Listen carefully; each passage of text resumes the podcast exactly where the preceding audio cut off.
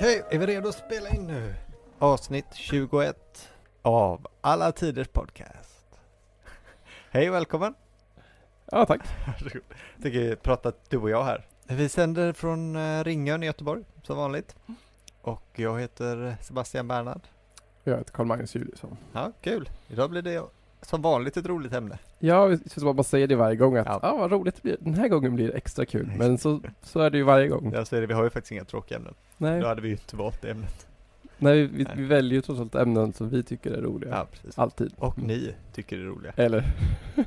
Även om man inte vet om det ännu. Nej, precis. Eh, och idag blir det, men det blir lite, an- lite speciellt idag. Mm. Eh, för det blir uh, stjärnhjälm. Japp. Svensk barock.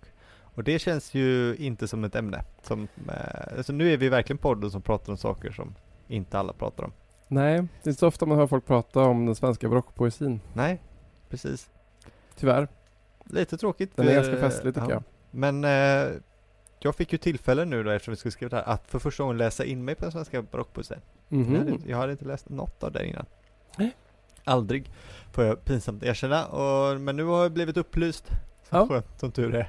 Är du glad och nöjd? Jag är glad när jag känner att jag är en ny människa. Vad härligt. Från en vecka sedan, sen har det hänt mycket. Varsågod. Tack. Tack. Ja, faktiskt. Jag tar, jag tar äran för Ja, det. det tycker jag du ska Mm. också. Ja, precis, men jag tänker att du är expert lite så du kan Ja, vi ska förklara då, vad det är för något. ja, vi ska då prata om poesin i den svenska barocken. Ja, men hur kul kan det vara då? Tänker säkert ni. Ja. Och, eh, och det är ju ett av syftena med denna podd, ju att visa hur mycket kul som finns i historien och i den så kallade finkulturen. Så jag tänker vi ska börja bara pang på med en dikt Bra, bra gjort. som låter så här då. Kungens basse bör vi prisa som oss bragde fred och lisa. Drottningens mus bör och ära som oss bragde freden kära. Vore kungar utan ballar skötes en av våra vallar. Nu han redskap har och råder var man sig åt freden gläder. En fransk kuk och en spansk fitta lär oss bäst på freden hitta. Gud gav fred i våra dagar. Knulla må som den behagar. Den som haver en stark hand, ren mun, käck kuk och gott förstånd. Han far väl är var han far ut i alla land. Ja, det var ett par fina rader. Ja, så kan det låta. Så låter eh, svensk barockpoesi. Så låter svensk barockpoesi. Det trodde man kanske inte. Eh, nej, just den här är ganska känd. Ja, Uh, det är roligt för att jag kallas ju ofta Basse. Ett smeknamn för snopp då. Ja, exakt. Men eh, vi får skriva att det här avsnittet är eh, med course language. Ja, precis. får man ju fylla i när man lägger upp Ja, podden. precis. I- Barnförbjuden avsnitt det Ja, här. exakt. Men denna dikt alltså, den är skriven av Georg Stjernhielm Mm. som levde mellan 1598 och 1672 och som alltså kallas den svenska skaldekonstens fader. Alltså den första att utarbeta en svensk poesi på svenska i Sverige. Just, men mer om det senare. Och den här dikten heter alltså Konung Ludvigs bröllopsskrift i Frankrike och handlar om när Ludvig den XIV i Frankrike gifte sig med Maria Teresa av Spanien. Vilket man då trodde skulle leda till fred mellan dessa länder. Ja. Med ord som basse, mus, ballar, kuk, fitta, knulla så blir deras äktenskapliga säng till en metafor för dessa länders fredliga förening. Just det. Det är ju det man hör. De lär sig bäst på fred hitta. Precis. Och eh, freden är väldigt viktig för Stjärnhielm. Ja, det är ju sympatiskt. Och ovanligt på 1600-talet. Ja, precis. Att det är väl därför den är så härlig, så att säga. Men man kan liksom säga att barockpoesin i Sverige, den består ju av lite olika typer av genrer och diktformer. Och det jag tänker att vi här kanske har, är liksom en form av humoristisk tillfällesdikt. Ja, För mycket av den barocka poesin är så kallade tillfällesdikter som man skrev för till exempel begravningar, bröllop och födelsedagar. Ofta framförs de av diktaren själv i tillfället eller trycktes i samband. Nu var väl inte Stjärnhielm närvarande vid den XIVs bröllop, nej antagligen. tror jag inte i alla fall. Men det är åtminstone en dikt med anledning av deras bröllop som även passar på att eh, prisa då temat fred. Just det, lite dagsvers. Verkligen. Mm. Och ehm, det blir alltså en hel del vacker just kärlekslyrik då från barocken eftersom att man skrev mycket dikter till bröllop. Mm. Och, eh, men också om kärlek överlag. Liksom en berömd samling heter då Venerid av Skogeskär Bergbo. Pseudonym tror man för Gustav Rosenhane. Som är fina, kärlekssonetter som påminner lite om Petrarca.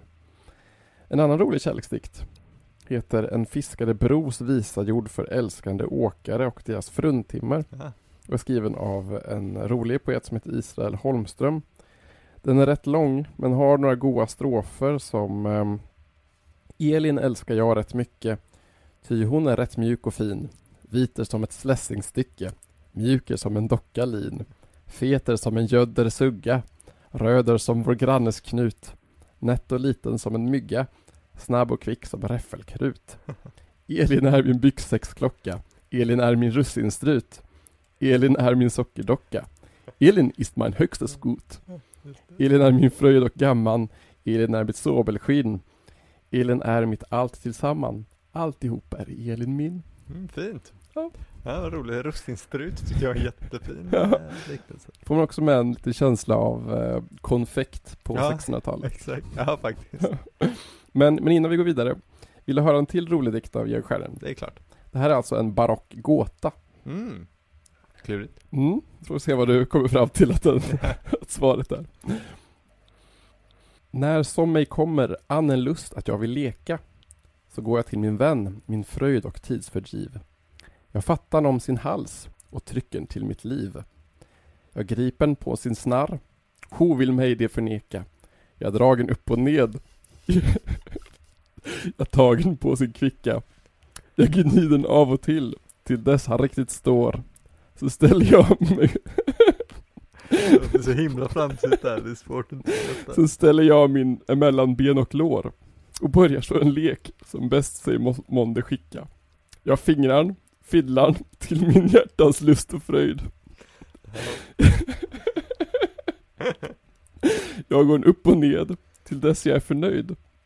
Och där så händer, snarren löper av och slaknar. Så sätter jag en in och vrider upp igen. Fast sker det med förtret till dess hans styver raknar. Går leken åter an. Så gläder jag min vän. Han? Ja, vem är hans vän? Jag vet inte, kan det vara kuken? Nej! Nej, det är inte det. Nej det är inte det, är det som är. Jag har gått i fällan. Min vän är en fiol di gamba. Nej. Nej, Jo, det, fy vad taskigt. det hade ju bara att spela på en viola di gamba. Fiol, Ja. Men det hade ju inte varit en gåta om, um, Om det var så enkelt, nej. nej precis, hade du kommit på det direkt så hade det inte varit en gåta. Ja. Men man börjar ju tänka på andra saker. Man gör ju det, man gör ju det faktiskt. Det var en lurig gåta. ja, så här kan alltså den svenska barockpoesin låta. Ja. Ibland i alla fall.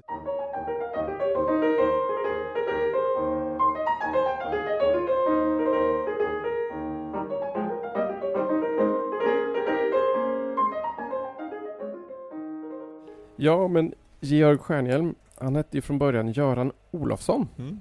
och föddes i Vika socken i Dalarna. Just det, i Kniva. I Kniva, ja. Det är en ort i, i Vika socken. Det är mycket knivbråk. Ja, säkert. De visste hur man slogs. 1598 föddes han då. Mm. Och han tillhörde ätten Stjärne, som var så kallad bergsadel. Någon form av svensk adel som härstammade från bergsmän och drev, som drev bergsbruk och bröt järnmalm. Ja, det låter lite farligare än vad det tycker jag. Bergsharden. Jag tror att den är mycket äldre va? Kommer från någon slags Ah, medeltidstid. Ja, just det. Och liksom att, eh, för att, för han blev ju sen typ, alltså riktigt adlad sen. Ja, Han hette ju Olofsson då. Och så tog han då namnet Stjärnhielm då eftersom de kom från släkten eh, Stjärna. Ja. Så att jag tror att han blev liksom riktig adel då Ja, för att vara någon form av inofficiell adel. Men jag, jag fattar Ja. inte riktigt. Nej men förstår, mycket adel kommer ju post Gustav Vasa. Så Ja. säga. Och eh, de nya, det nya adelsväsendet som eh, Ja, blir ju stand, standardiserat. Jag tänkte att det kanske var något sånt. Men jag orkade inte kolla upp det. Han, eh, han, han var adlig och inte. Ja, precis. Och han studerade i Västerås och sen i Uppsala och i Tyskland. Ja, Och reste runt lite, besökte även Italien, Frankrike. Nederländerna och England och sånt där. Grifsvall studerade han faktiskt. Ja, precis. Svenska Vorpommern tror jag väl. Ah, det var ett namn jag såg men jag förstod Just inte det heller. Ja men det var, har varit en svensk koloni länge. Okej. Ända till 1800-talet tror jag. Jaha. Finns kvar i universitetet. Jaha, okej, coolt. Mm. Men eh, sen hade ju han massa jobb då som eh, jag inte vet vad de innebär. Nej, just För att eftersom att han var väl adlig så hoppade han ju runt kring väldigt sådana här em, höga befattningar. Ja, typ, han var det. läsmästare för Riddarhuset. Assessor i Dorpats hovrätt. Mm. Dorpat är ju Tartu då, alltså den här universitetsstaden i Estland. Ja, okej. Där blev han sen eh, ställföreträdande landshövding och sådana här grejer. Ja. 1642, så då var han då 44, så var han i Stockholm för att delta i den lagkommission som tillsatts. Och stannade då några år i Stockholm och fick uppmärksamhet för sina dikter. Mm. Och blev även väldigt omtyckt av drottning Kristina. Det kan man ju tänka sig. Ja, och sen blev han då vicepresident i Dorpats hovrätt. Men åkte tillbaka till Stockholm för att bli riksantikvarie. Mm. Och han skrev då lite hyllningsdikter till Kristina på hennes födelsedagar. Och skrev då texter till olika balletter för henne då. Alltså Den fångne Cupid och Parnassus triumfans. Men han var där bara några år för att han blev ju bortskickad efter att ha pratat illa om några av Kristinas vänner. Ja. Så det sket sig efter ett ska inte vara skvallerbytta. Nej, Eller han kanske var lite kritisk. kanske. Ja. Han var ju en riktig renässansman får man säga. Också. Han Ja, verkar ju hållit på med en himla massa olika saker. Som Ja. eh, många på den tiden i och för sig. Ja, Han var, verkar ha varit en framstående matematiker. ja, Jag förstod inte riktigt vad det var han hade gjort för att jag är så analfabet på matematik. Men, inte jag heller. men i alla fall, Men också, Och- också naturkunskap och lag och statistik. filolog. Filolog. Ja. Mm. Han höll ju på att forska på eh, gotiskan. Mm. Ehm, det, det här låg ju extremt mycket på 1600-talet eh, att uh, goterna skulle ha kommit från Skandinavien. Eh, och därom, det, det, borde, det borde kanske tas om det, den fejden. Där eh, ingen idag tror väl riktigt på det, men, men folk har trott på det och det är bråk och du förstår som, som det alltid är med sådana saker. Som det alltid blir. Eh, I alla fall, han skulle ju då eh, språkvetenskapligt bevisa att gotiskan och därav svenskan är alla språks urmoder. Vilket är en Ja. väldigt rolig teori. Klart det är det. Ja, men lite, i- verkar ha varit en slump där så blev han också en av fäderna till jämförande språkforskning. Mhm. För för att uppnå det här så började han ju jämföra olika språk med varandra. Ja, ja. Och det har ju sen gett upphov till att vi idag vet att svenska och hindi är släkt till exempel. Ja, ja, från indoeuropeiskan där. Ja, Ja, ja, Snyggt. Mm. Genom att jämföra ord som mamma till exempel, eller så då. Ja, Moder det. och eh, mittar eh, är då släkt. För, ja visst det, för att uh, indoeuropeiskan är väl PTR och MTR va? Som Exakt. är eh, mother, mater, Ja exakt. mamma. Pater. Ja, Fader då eftersom P har blivit F. ja, just det. Mm. Ja, det är spännande. Mm. Och det förklarar ju också varför att Georg Stjernhild skrev ju inte så många dikter heller egentligen. Nej, det gör de Det är faktiskt. ungefär 150 sidor kanske för att han hade väl fullt upp med alla de här andra äm- ämnena.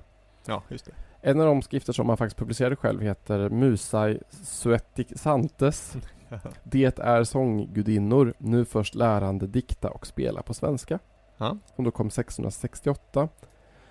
Och man hör ju, det vill säga på titeln, vad Stjärnhielm här ville göra. Alltså att man hör de här sånggudinnorna nu först lärande dikta och spela på svenska. För han ville liksom skapa en nationell svensk poesi som var byggd på antika former. Just det. Och med då inslag av antika gudar och eh, stoiska och humanistiska tankar. Mm. Och detta gjorde han ju även i de balletter som han skrev till drottning Stina där han ju plockar upp klassiska versmått för att visa att svenskan fungerar som litterärt språk. Just det. Ja, han är ju, det är verkligen tydligt att han är stöpt i klassisk kultur. Ja, just. Och att det är det han, eh, han som, eh, de inspirationerna han söker när han skriver på svenska. Han skriver ju inte om så inhemsk svenska ämnen riktigt, utan det är ju Herkules eh, Ja. och, och antika gudar och myter. Merkurius och Venus och Precis. Parnassus, Och triumfans. Parnassus, triumfant, precis. Ja, precis. Det är ju väldigt långt från någon sorts bonderomantik eller så allmogekultur som man kanske förknippar med så eh, 1800-tals svensk poesi och sådär. Ja, Geijer och alla de här Precis. eh, Odalbonden och Vikingen och sånt där. Det Precis. finns ju inga vikingar här. Absolut Nej. inte, nej. Nej han hade nog aldrig hört talas om. Nej men så det ursvenska är ju språket svenska. Det har ingenting med svenska ämnen att göra. Nej, precis. Jag hade ett exempel på det lite ur en av de här hyllnings... eh, Ja. En av de här hyllningsdikterna till Kristina som började, började så här med massa antika referenser. Eh, upp, upp Aurora, var bliver du så länge? Jag menar, nu är tid att man står upp ur sängen. Lägg an din mantel röd, slå ut din gyllend hår, din rosenkinner te, låt se din ögon klar. Men du som himmelshög bepryder över alla, du kvicke fosforus, den vi på svenska kalla den livfulle morgonstjärn. Var bliver du? Stig upp och säg Foibus an, att han sig till sitt lopp sig snarast färdig gör. Ja, vad härligt. Mm. Morgontoaletten, så att säga. Jag märkte tydligen att det är mycket svårare att läsa dem högt än att läsa dem Ja, visst. Man snubblar ju på Stav- eh, stavningen. Exakt. För den som inte har läst sj- själv, eller kan säga att stavningen är ju, är ju i, ofta väldigt intressant. Ja, ibland får man sitta och fundera ett tag. Jag Ja. läste en dikt som då hade ordet T-H-Ä-D Eller Mhm. T-H-Ä-T. Vad var det eller vad skulle det vara? Det. Ja det var det, Ja. det tog ett tag för mig att fatta att det det. var det. Ja. Eftersom det stavas T-H-Ä. Ja, precis. Ja, du stavas ju kontinuerligt med T till exempel. Ja.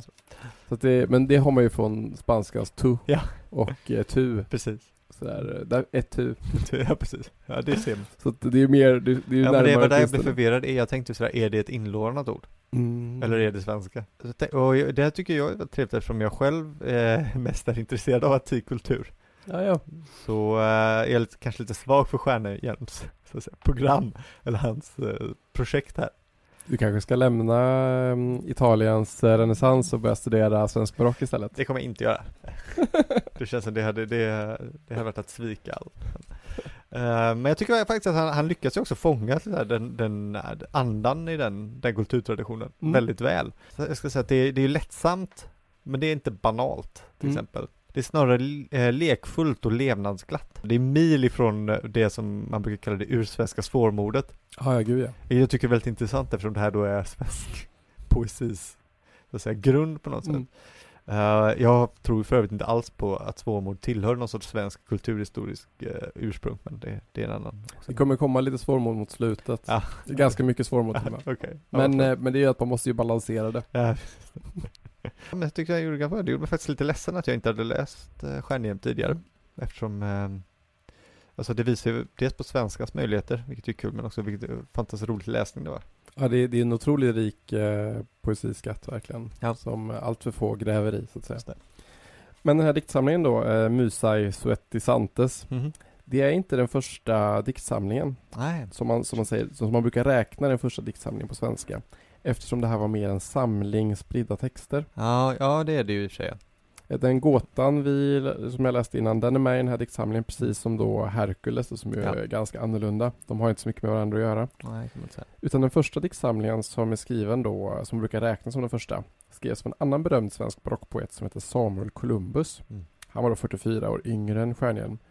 Och, ehm, och hade viss eh, koppling till honom också. Undrar om han var släkt med Kristoffer Columb? Eh, vem vet? Jag, jag tror inte Nej, det. Men han ska faktiskt ha hävdat att det var han som kommit på titeln till Stjärnhjelms bok. Jaha, okej. Det vet jag inte om det stämmer, men han ska ha hävdat det i alla fall. Man kan alltid hävda. Ja. Hans egen bok heter Oda i Svetikai, okej. alltså svenska Oden, som gavs ut förra året tror jag på nytt här i Sverige. Mhm. Och eh, den räknas som den första enhetliga, alltså tänkta samling dikter som givits ut på svenska. Ja, ja. Ironiskt då att den har en latinsk titel, Ja, men trevligt. inte att det heter Svenska orden då. Men, och Samuel Columbus har faktiskt skrivit en tillfällesdikt, alltså en dikt till när Georg Stjärnhielm dö- dog, Mm. som lyder så här då. ehm, Se här var Göran Stjärnhielm är gömder, av vett och lärdom aldrig förglömder. Fyr och sjuttio år han i världen är inte, dock aktade världen fast mindre än inte. Om alla hans gåvor jag inte vill skriva, ty jag dem indera fyllest kan driva. Jag säger det ena, han själv är mig sad, så länge han levde, så levde han glad. Mhm, Det var kul. Det är fint. Det känner jag igen för att han, det eh, går ju till hans gravsten väl? Och det måste ha varit någon allmän sanning på ett Ja, vis. precis. Han, så han har ju en latinsk inskrift på sin gravsten som eh, lyder Vixit dum vixit laetus. Ja, det betyder ju det. Han levde och medan han levde var han lycklig. Ja. Tydligen måste han väl ha sagt det själv då. Ja, antagligen. Det är Ja, fint. det var ju väldigt trevligt. Han levde ett gott liv. Ja, det var ju eh, roligt. Han har ju skrivit på latin också. Jaha, Så ja. jag fick tillfälle att förkovra mig lite. Ehm, så det är inte bara på gravstenar utan även i poesin. Och då hittade jag en, tyckte, jag tyckte det var roligt, vi se om du tyckte det var roligt. Så jag har översatt den till svenska med att ta den på latin först också, för den är ganska kort. Så går den så här. Tu mella frigi musica, tu mella frigi musica, non dispicit quisus scipit, mellos catulli meleum, mellos catulli meleum, is discipit qui dispicit. Och jag har översatt den till det här. Du Frygens honungs ljuva musik, du Frygens honungs ljuva musik. Den som tar sig an kan inte avsky dig. Catullus söta melodi, Catullus söta melodi. Den som hatar dig, han bara fånar sig. Oj! Ja. Det var kul. Det är roligt va? Han försvarar Catullus. Han gör det, jag tyckte, Ja. den, var, tyckte den var jättekul. Ja, det var fint. Ja. Fint med de här upprepningarna också. Ja precis, ja men den är, den är lite högtradig sådär men eh, då Frygen, Frygisk är också någon sorts antik melodi, alltså någon sorts sätt att spela musik. Det är ju en skala, alltså en kyrkotonart som Ah, är okej. uppdöpt, alltså som är döpt efter Phrygen då. Alla kyrkotonarter är ju döpta efter olika områden runt Medelhavet. Ah, ja, okej. Jonien, Dorien, Phrygen, Lydien. Mm. Så finns det ju mixolydisk, men det är ju en mix av lydisk då. Och sen finns det aiolisk, lockrisk. Ah, okej. Ja men det måste ju vara det han, eh, han talar om då. Ja, och eh, det där kan inte jag, men det finns så här teorier om vilka tonarter man ska använda i vilka sammanhang. Aha. För de symboliserar olika saker och eh, ska användas i olika liksom, situationer. Just den frygiska tror jag är eh, relaterad till helvetet tror jag. Ja, Jag tror att frygisk, frygiska är en av de här lite farligare skalorna. ah, jag förstår. Ja det kanske också har då med Catullus att göra där. Ja. han- Men det är roligt, Catullus eh, har ju, har ju sina kritiker även, eh, även idag. Ja, precis. Det. Kan, vi, kan, de tänk, kan de ta de orden? Men först nu var det ju, för det var var det tio, tio år sedan kanske, så kom det ju en em, ganska frispråkig översättning. Ja. Den av Gunnar. Harding. Den är, den är faktiskt em, mindre censurerad än vad det brukar vara. Precis. Och väldigt kul. Mycket härlig läsning.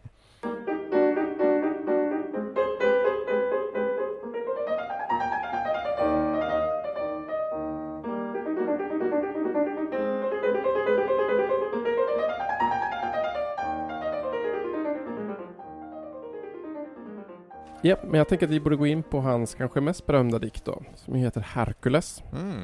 och som trycktes först 1658 men som han verkar ha jobbat med i flera decennier. Och den är skriven på, på hexameter Ja, det. och det här är då alltså första gången som detta klassiska versmått fungerar på svenska språkets villkor. Alltså med tryckfördelningen som huvudprincip. Ja. De klassiska språken har ju, har ju korta och långa stavelser och inte betoning så som vi gör det på svenska. Det är, ju- det är ju jävligt svårt att, att lära sig. Ja. Alltså att, att inte betona utan att... eh, För betoning finns ju på antyg också men de ligger ju inte där vi skulle, alltså Nej, precis. Vi gillar ju att eh, när vi läser exameter, eller vi och vi, men Mm. när man gör det på svenska så vill man gärna betona så mycket som möjligt Exakt. också. Sjung och gudinna om vreden som brann i förliden Achilles. Exakt. Det låter väldigt ogrekiskt. Det låter ju det väldigt, man- då kan man ju lätt lägga tillbaka det på liksom naidet är jag, pele de jag, achilleos. Men det blir fel. Nej.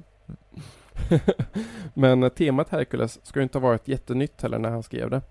Stjärnen ska ha fått det från en västnordisk saga som heter Barlams saga. Mm. Ja. Som han egentligen läste för att han var intresserad av språket. Okej. Och i Herkules så faktiskt återför han till svenskan vissa fornnordiska ord som tidigare varit bortglömda eller inte användes Just längre. Och Kanske. som fortfarande idag, eh, tror jag, är en del Ja. av svenska språket. Jag tänkte ju på Arla där i början redan. Det är Ja. ett roligt ord. Men.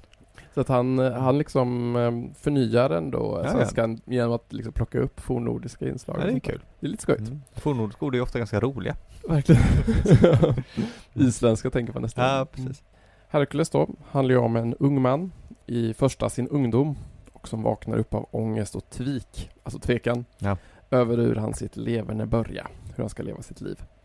Han går runt i tankar och bekymmer då någon i fina kläder, guld och pärlor, ädelstenar och sminkad dyker upp.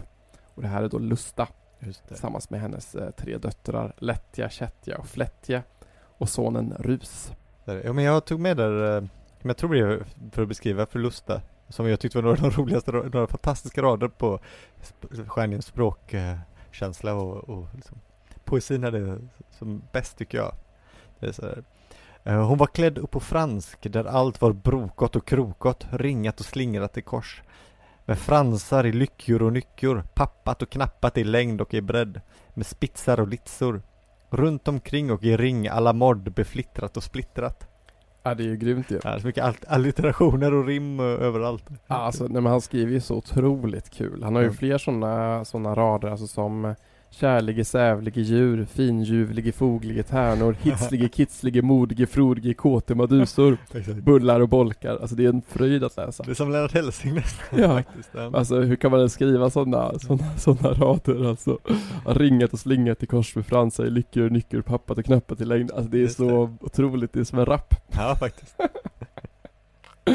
Men um, Lusta då frågar ju då Herkules, vad är det för ångest och kval som tynger hans hjärta? Mm. Och uppmuntrar honom att se sin ungdoms blomster och år. Passa på att leva medan han är ung. Ja, just det. För livet är ju förgängligt, inget består. Så som en eld, en ström, ett glas, ett gräs och en blomma brinner och rinner och skin och grönskas och blomstrar som afton. Men finns släckt, stild, bräckt och torkat och vissnat om morgonen. Människolivet är som rök i vädret.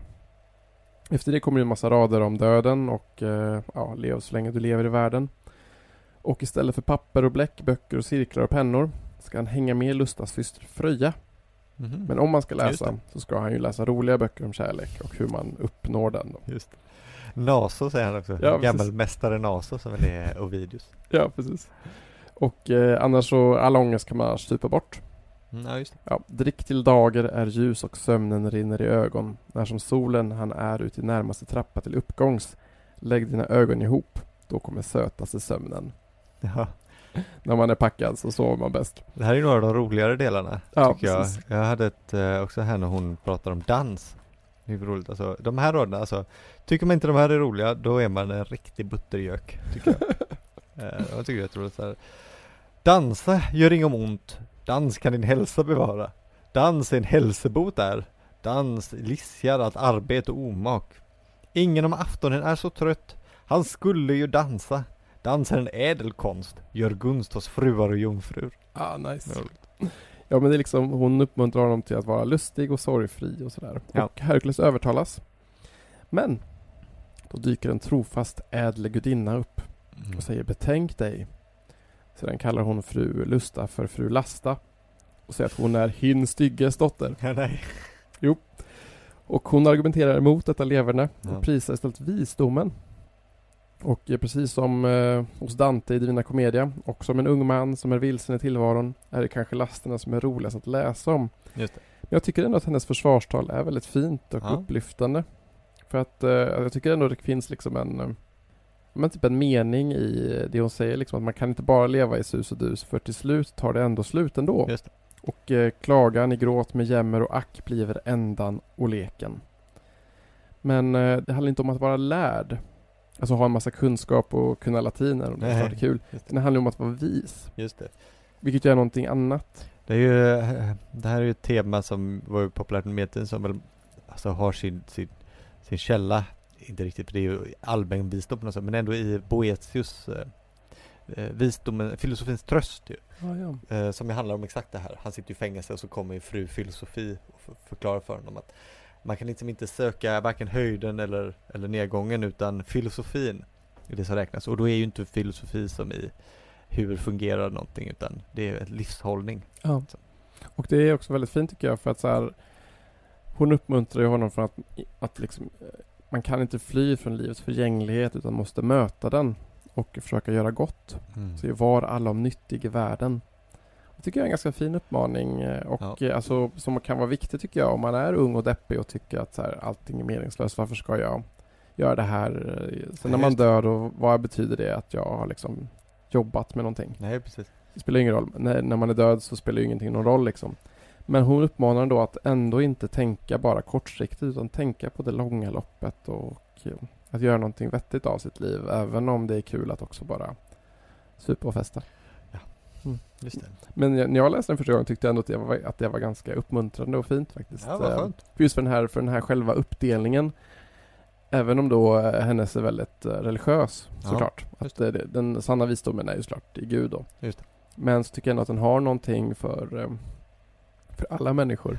Att just konflikten mellan att antingen bara ha kul och liksom burnout ja, eller försöka tänka lite långsiktigt och att göra någonting meningsfullt av, sig, sitt liv. ja, så är det ju. Ja, det är sånt där, eh, det som eh, föraktfullt ofta kallas för klichéer men som väl kanske i ett bättre namn kallas sanning. Ja.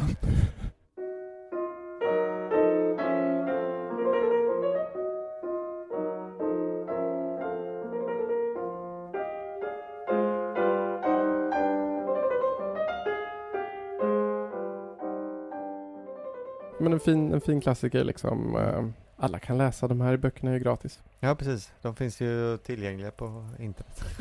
Men eh, det här som vi nu har pratat om, det är också ett typiskt barockämne. Alltså vi hittills inte tagit upp. Oj. Vi har ju pratat om humorn och vi har pratat om bröllopsdikterna, kärleksdikterna. Ja, just det. Men, och vi har pratat om de antika, liksom doftande texterna. Mm. Men det här är alltså då har att göra med tillfällesdikterna till begravningar och Ah, ja. förgänglighet och dödstema som är jätte, jättevanligt i eh, den svenska barockpoesin. Okej. Så det verkligen svämmar över av eh, den här typen av tankar. Mycket vanitas, memento mori. Och eh, litteraturvetaren Daniel Möller skriver om detta i sitt förord till Samuel Columbus Oda Svetica som vi pratade lite om innan. Om eh, Columbus och tematisering av livets vackra yta och banala inre. Mm. Utvärtes glittran, invärtes gyttja. nej. Som- Det är som att han ser in i min själ. Verkligen. Men Möller skriver att tillvaron för barockens diktare var ett slags smyckad ruin eller utstyrd öken Mm. Mm. och att livet självt framstod som en tillkrånglig förruttnelseprocess. Ja. Till och med för 1600-talsmänniskan kunde det vara en vinst att få dö upp för att bara slippa allt lidande. Så nu försvann allt det roliga här. allt det roliga. För att, um, ja, att leva är att dö som ju Hamlet säger. Ja. Men det här är också ett klassiskt antikt grekiskt tema. Mm. Pindaros skriver ju den här endagsvarelser. Vad är vårt vara? Vad är vårt icke-vara? En skuggas dröm är människan. Just det. Rader som faktiskt nästan identiskt kommer tillbaka hos en, en barockpoet som heter Lasse Lucidor Ja. i hans andliga visor. Där han säger då Vad är ditt liv? En damm som snart försvinner. Vad är din lust? En ström som fast bort rinner. Och sen vad är styrka? Svaghet som i graven lämnas. Vad är evighet? En tid ut, förutan tider. Och så vidare. Just det. Samuel Columbus skriver själv så här då, det är ganska kul. Eh, så går det med vår kropp. Han är en bildad mull. Nu står han stark och rät. Strax signar han omkull. Nej. Ja. ja det är ju, ja, man, man kan ju också läsa Teognis, den här tidiga grekiska diktaren, hans eh, Arbete och dagar brukar den väl översättas till Ja just det, verk och dagar. Verk och dagar, tack. Exakt. Eh, Den är ju en riktig, riktig depp, Mm. depphistoria. Alltså. det är ju bara hårt Mm. arbete sen dör du. Mm. Det är lite faktiskt, eh, min mamma brukar alltid säga när jag var liten, brukar säga Life's a bitch and then, then you die. ja, det är nästan lite barockt över det. Mm.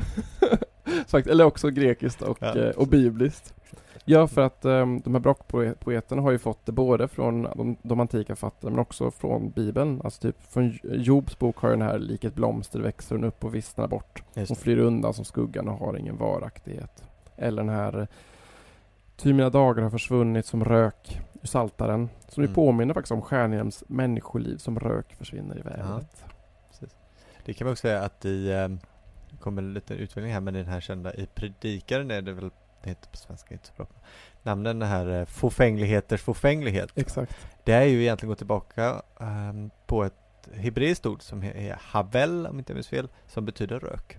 Jaha, ja. Snyggt. Allting bara vävs ihop här. Precis. Och, eh, och det här är också väldigt typiskt för barockpoesin, just de här, den här typen av liksom, sensmoral, man ska säga. Tycker man om detta så tycker jag också man borde läsa en poet som heter Jakob Frese Mm. och hans sjukdomsdikter. Han eh, fick eh, någon form av lungsjukdom och eh, trodde han skulle dö varje vår under så här jättelång tid. Aj, aj, aj. Han dog ganska ung också, Ja. men det är verkligen ett sakta döende. Och eh, har även liksom en viss längtan efter döden då, som i dikten Över sin längtan att dö. Ja, bra, bra namn. Där han då säger så här. ehm, när skall en lycklig stund min hela jämmer sluta? När skall min matta själ sin himmelsfärd få njuta? Min Gud, jag tillreds och färdig i ett nu. Kom, högt förönskade tid. Ack, vi dröjer du. Mm. Han kanske toppar Keats på uh, deppigaste poet uh, någonsin. Ja, ah, fakt- ah, fan, han är en bra kandidat faktiskt. Ehm, Vi kan ha en omröstning någon gång så kan folk få... vi får lägga fram varsitt case och Ja, sen exakt. eh, se vem, vad, som, ehm, vad som flyger högst. Det här är också en del av barocken, att den har både den här glada och ehm, Mm. kärleksmässiga, den här lite carpe diem-tiden. Den har ju också memento mori-sidan. Ja. De brukar väl komplettera varandra i, eh, i en uh, mogen kultur. de? Ja, och i en sund själ. ja, precis. Ja, exakt. Um, Och det ena ger lite den andra. de gör ju det. Mm. Ja, Kul att vara ung, men man förstår ju att det kommer gå över. Exakt. Mm. Mm.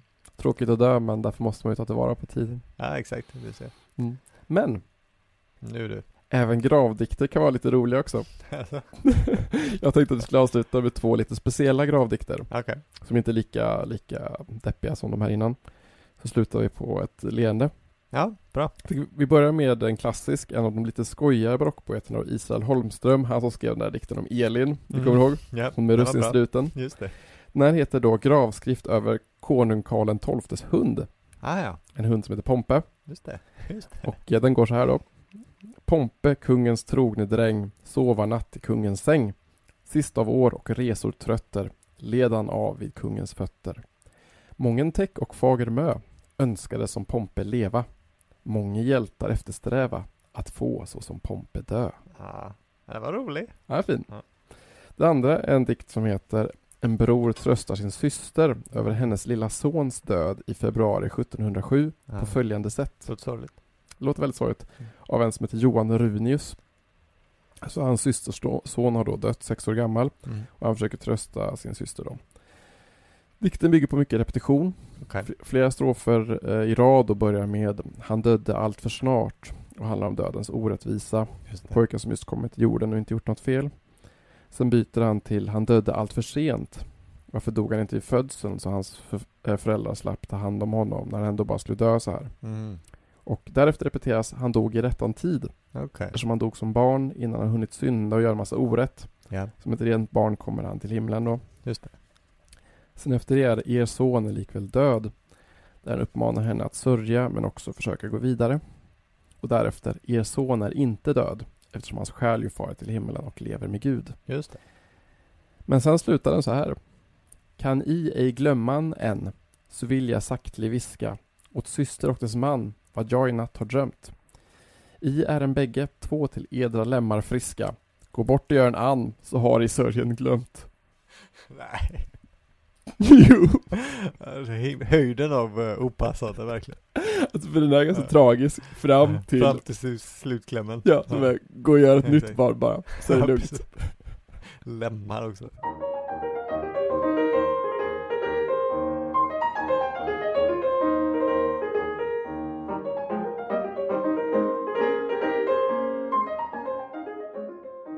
Ja, Mm. så kan det vara. Där, där har vi barocken i, i, i allt på en gång va? Verkligen. Mm.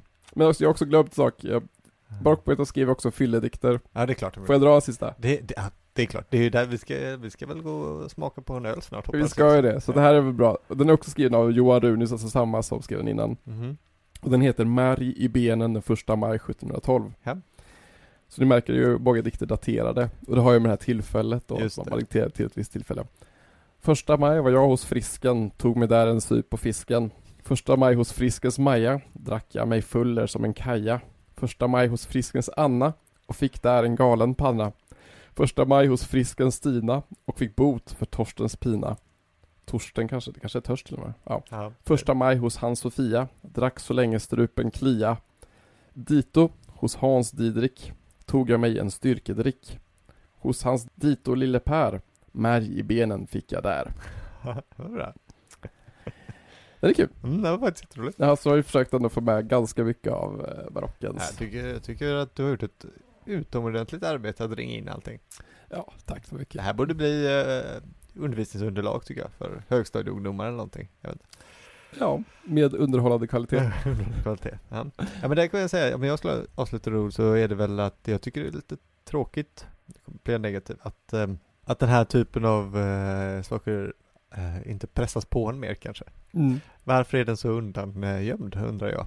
Det kan Ja. ju vara att jag inte var så himla bra på att eh, vara aktiv under min skolgång men eh, jag tänk, tycker ändå inte att det är någonting jag st- stöter på. Eh, Nej. oförtjänt mycket i alla fall.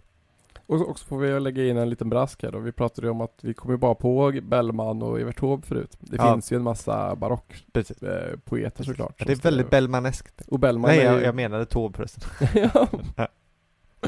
Men så det finns ju många barockpoeter som ju har lagt grunden för Bellman att bli så. Ja. Han är också väldigt inspirerad av Olof von Dalin och Just den här typen av poesi. Så. Ja, det är skönt att vi får eh, brygga våra luckor här och... Ja. så, Mm. Det var härligt. Ja. ja, jag säger tack för svensk barock. Tack. Det är alltid skönt att veta att eh, fäderneslandet för med sig något roligt ibland. Eller hur? Jag gillar ordet fädernesland, tycker det är så himla lustigt ord. Lite högtidligt. Lite högtidligt, men det är det som är så roligt. Mm. Det är bara, det är bara studentikosa och nazister som andra gör. Ja, eller hur? Och ska vi då använda det? Det är så himla kul. Ja, det var konstigt. Ja. Ja. Lite skrivet på äran och hjältarnas språk. exakt. Märg i benen. Ja. Nu får vi avsluta innan det blir Heimdall av hela... Ja, ja, det vill vi ta. Nej, nej, Nej, nej, tack. Hej. Hej då.